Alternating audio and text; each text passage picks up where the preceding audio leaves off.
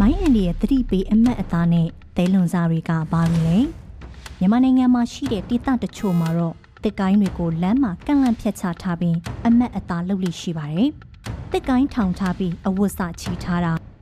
တစ်ကိုင်းကြက်ချီခတ်ပုံစံတွေကသတိပေးအမတ်အသားတွေဖြစ်ပြီးဒဏ်ရာရနေတဲ့ဒါမှမဟုတ်တိတ်ဆုံးနေတဲ့ဒရိတ်ဆန်တွေတွေ့ရတတ်တာမြေအနီအထားမြက်ပင်နဲ့အပင်ငယ်တွေပုံမှန်ဖြစ်မနေတာတွေက သတိပေးသဲလွန်စားပြီးဖြစ်ပါတယ်။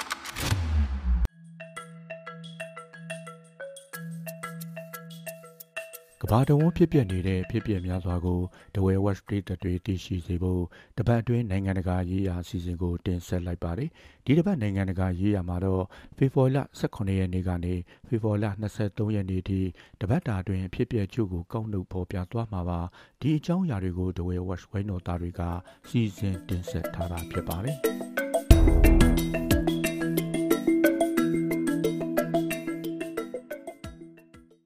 သက်48နှစ်အရွယ်ရုရှားအတိုက်ခံခေါင်းဆောင်အလက်ဇန်နာဗနီကအာတိတ်စဝိုင်းပေါ်မှာအကျဉ်းချခံထားချိန်မှာပဲဖေဖော်ဝါရီ16ရက်နေ့ကတည်ဆုံသွားခဲ့ပါတယ်။ရှေ့နေနဲ့မိခင်ဖြစ်သူလျူဗျူလာတို့ဟာသူတည်ဆုံခဲ့တဲ့ကျင်းထောင်ရှိရာအရက်ကရင်ခွဲယုံကိုဖေဖော်ဝါရီ18ရက်နေ့မှာရောက်သွားခဲ့ပေမဲ့သူ့အလောင်းအဲ့ဒီမှာရှိမနေခဲ့ပါဘူး။သူတည်ဆုံရခြင်းအကြောင်းရင်းကိုတိတိကျကျမသိရသေးပဲ ရုတ်တရက်သေဆုံးခဲ့တာလို့အာဏာပိုင်တွေကဆိုထားပါတယ်။နာဗနီရုတ်တရက်သေဆုံးသွားတဲ့သတင်းထွက်ပေါ်လာပြီးတဲ့နောက်မော်စကိုမြို့တော်ထဲကအထိမ်းအမှတ်နေရာမှာဝမ်းနည်းကြောင်းပြသခဲ့ကြပါတယ်။ရာနဲ့ချီတဲ့ပြည်သူတွေဖမ်းဆီးခံရတယ်လို့သတင်းရရှိပေမဲ့ဘယ်နှစ်ယောက်ဖမ်းခံရတယ်ဆိုတာတော့အတိအကျမသိခဲ့ရပါဘူး။ဂျာမနီမှာလုံခြုံရေးညီလာခံတက်နေတဲ့ယူကရိန်းသမ္မတဇလန်စကီက တာဝေးပစ်လက်နက်တွေနဲ့ခဲယမ်းတွေလိုအပ်တယ်လို့ပြောကြားလိုက်ပါတယ်။ယူကရိန်းအရှေ့ပိုင်းအာဖဒီကာမြို့ကနေတပ်တွေကိုပြန်ဆုတ်နေရပြီလို့ယူကရိန်းစစ်တပ်အကြီးအကဲရဲ့ကြေညာချက်ထွက်ပေါ်လာပြီးတဲ့နောက်သမ္မတကတောင်းဆိုလိုက်တာပါ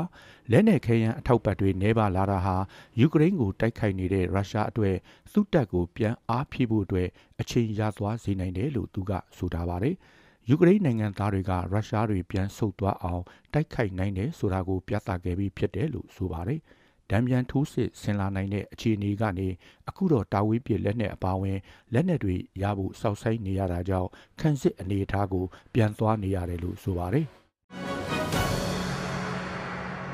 အစ္စရေးဟာမတ်စစ်ပွဲမှာလူသားချင်းစာနာထောက်ထားမှုတွေချက်ချင်းအပြစ်ခတ်ရက်စဲဖို့တောင်းဆိုတဲ့ကုလသမဂ္ဂဆုံးဖြတ်ချက်ကိုအမေရိကန်ကဖေဖော်ဝါရီ20ရက်နေ့မှာဗီတိုအာဏာသုံးပယ်ချလိုက်ပါတယ်။ဒီဆုံးဖြတ်ချက်ကတစကန်လွတ်မြောက်ရေးဆွေးနွေးပွဲတွေကိုအနောက်ရှက်ပေးလိမ့်မယ်လို့အမေရိကန်ကတုံ့ပြန်ခဲ့တာပါ။ လုံခြုံရေးကောင်စီမှအဖွဲ့ဝင်15နိုင်ငံရှိတဲ့အနက်ဗြိတိန်တနိုင်ငံကပဲမဲမပေးဘဲနေခဲ့ပြီးကြံနိုင်ငံတွေက73မဲရရှိခဲ့ပေမဲ့အမေရိကန်ရဲ့ဗီတိုအာဏာသုံးကတ်ကွယ်မဲကြောင့်ဆုံးဖြတ်ချက်မချမှတ်နိုင်ခဲ့ပါဘူး။လုံခြုံရေးကောင်စီရဲ့ဆုံးဖြတ်ချက်တွေကိုအမေရိကန်ကတတိယအကြိမ်မြောက်ဗီတိုနဲ့ပယ်ချလိုက်တာလည်းဖြစ်ပါတယ်။ သူတို့တီးနှံတွေအတွက်အာမခံဈေးနှုန်းနဲ့စားချုပ်ချုပ်ပေးမယ်လို့အစိုးရကအဆိုပြုတာကိုမြို့တော်နယူးဒေလီအပြင်မှာစခန်းချတပိတ်မှောက်နေကြတဲ့အိန္ဒိယလယ်သမားတွေကလက်မခံခဲ့ပါဘူး။ပဲအမျိုးမျိုးအစိအဆန်အချောက်အမျိုးမျိုးပြောင်းတဲ့ဝါစားတဲ့တီးနှံတွေအတွက်အာမခံဈေးနှုန်းနဲ့၅နှစ်စာချုပ်ကိုသမဝရမတွေကတစ်စစ်ဝယ်ယူမယ်လို့အစိုးရကကန့်လှမ်းခဲ့တာပါ။ တီးနှံအားလုံးအတွက်ဈေးနှုန်းအာမခံရရှိဖို့တောင်းဆိုချက်အတိုင်းဆက်လက်ရပ်တည်သွားမယ်လို့ဖေဖော်ဝါရီ19ရက်နေ့ကလယ်သမားတွေဘက်ကကြေညာခဲ့ပါတယ်။အာမခံဈေးတွေပြင်ဝင်ငွေနှစ်ဆတိုးရေးလယ်သမားတွေနဲ့လယ်ယာလုပ်သားတွေကိုပင်စင်ပေးရေးနဲ့လယ်သမားတွေယူထားတဲ့ချင်းငွေတွေရော်ပေးရေးစတဲ့ကြိတွေတီးဖို့ဆန္ဒပြနေကြတာဖြစ်ပါတယ်။ လူသတ်မှုကျူးလွန်ခဲ့သူနှစ်ဦးကိုတာလီဘန်အာဏာပိုင်တွေကဖေဖော်ဝါရီ22ရက်နေ့ကလူမြင်ကွင်းမှာကွပ်မျက်လိုက်ပါတယ်။အာဖဂန်နစ္စတန်နိုင်ငံတောင်ပိုင်းဂါဇနီမြို့ကဘောလုံးကွင်းအတွင်းမှာတနက်နဲ့ပြစ်ပြီးကွပ်မျက်လိုက်တာပါ။ကွပ်မျက်တဲ့နေရာကိုတာလီဘန်အုပ်ချုပ်ရေးအဖွဲ့ကအရာရှိတွေဒေသခံတွေအများပြားတက်ရောက်ကြည့်ရှုခဲ့ကြပေမဲ့ဘယ်သူမှလက်ကင်ဖုန်းတွေကင်မရာတွေသဲဆောင်လာခွင့်မပြုပါဘူး။ ကိုမြက်ခံရသူတွေဟာတခြားလူနှစ်ဦးကိုတပ်ဖြတ်ခဲ့ကြောင်းပြစ်မှုထင်ရှားတွေးရှိခဲ့တဲ့အတွက်စီဒံပေးခံခဲ့ရသူတွေဖြစ်ပါတယ်။တာလီဘန်အဖွဲ့ဟာအာဖဂန်နစ္စတန်နိုင်ငံမှာသူတို့အာဏာပြန်ရတဲ့2021ခုနှစ်နောက်ပိုင်းလူအများမြင်ကွင်းမှာလူလေးဦးကိုကိုမြက်ခဲ့ပြီးဖြစ်ပါတယ်။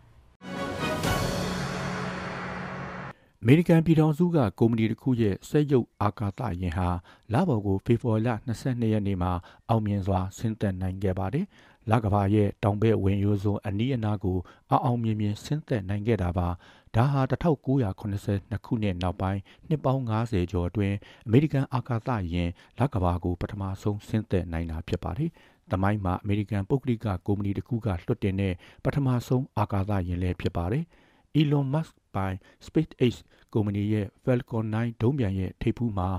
Interactive Machines ကုမ္ပဏီရဲ့ Nova C အာကာသယာဉ်ကို လိုက်ပါလွှတ်တင်ခဲ့တာပါ။ဒုံးပျံထွက်ပြီး48မိနစ်လောက်အကြာကဘာမြေနဲ့135မိုင်လောက်ဝေးတဲ့နေရာမှာထိပ်ဖူးကနေခွဲထွက်ပြီးလက်ကဘာစီဆက်ခရီးနှင်ခဲ့ပြီးဆင်းသက်နိုင်ခဲ့တာဖြစ်ပါတယ်။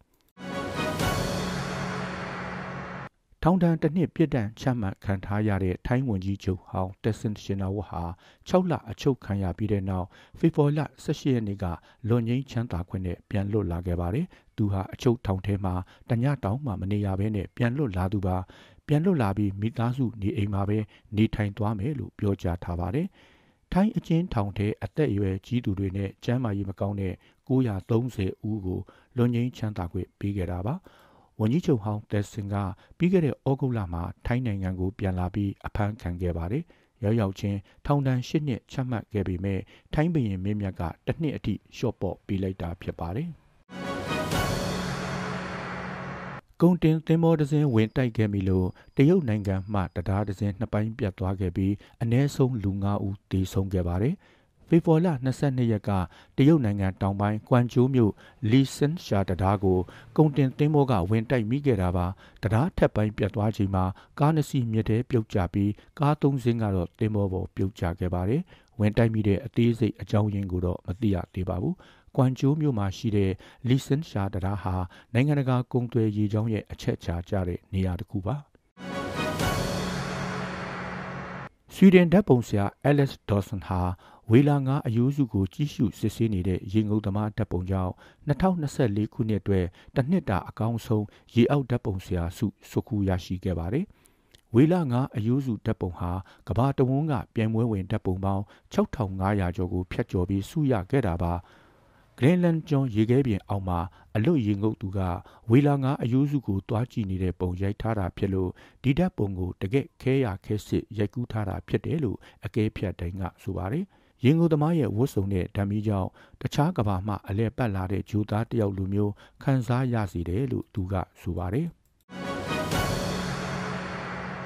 ဒုတိယကမ္ဘာစစ်ကိုအဆုံးသတ်စေခဲ့တဲ့နျူကလ িয়ার လက်နက်ကိုဖန်တီးခဲ့တဲ့ Robert Oppenheimer အကြောင်းကိုရိုက်ကူးထားတဲ့ Oppenheimer ဇာတ်ကားကဗြိတိန်အကယ်ဒမီဆုပေးပွဲမှာဆု9ဆုစုခုရရှိခဲ့ပါတယ်။ 89ကြိမ်မြောက် British Academy Film Awards မှာအကောင်းဆုံးရုပ်ရှင်အကောင်းဆုံးဒါရိုက်တာအကောင်းဆုံးမင်းသားစုအပါအဝင်ဆုတွေရရှိခဲ့တာပါရုပ်ရှင်ဒါရိုက်တာခရစ်စတိုဖာနိုလန်ကသူ့ရဲ့ပထမဆုံးအကောင်းဆုံးဒါရိုက်တာဆုကိုရရှိခဲ့တယ်လို့မင်းသားကေလီယန်မာဖီကလည်း Robert Oppenheimer ဇာတ်ရုပ်အတွက်အကောင်းဆုံးမင်းသားဆုကိုဆွတ်ခူးနိုင်ခဲ့ပါတယ်ပြီးခဲ့တဲ့နှစ်က Oppenheimer ဇာတ်ကားကိုဘာဘီဇာတ်ကားနဲ့အပြိုင်ယုံတင်ခဲ့တာဖြစ်ပါတယ် ပရိသတ်ပေါင်းတို့စေရောကိုပါချမ်းမာချမ်းသာကြပါစေကြောင်းနဲ့ကပ်ဘေးအမျိုးမျိုးကနေအမြန်ဆုံးလွတ်မြောက်ကြပါစေကြောင်းဒဝဲဝက်ဝဲနော်သားတွေကစုမုံကောင်းတောင်းအပ်ပါတယ်။နောက်ပတ်မှာလည်းနိုင်ငံတကာရေးရာအစီအစဉ်ကိုစောင့်မျှော်အားပေးကြပါဦးခင်ဗျာ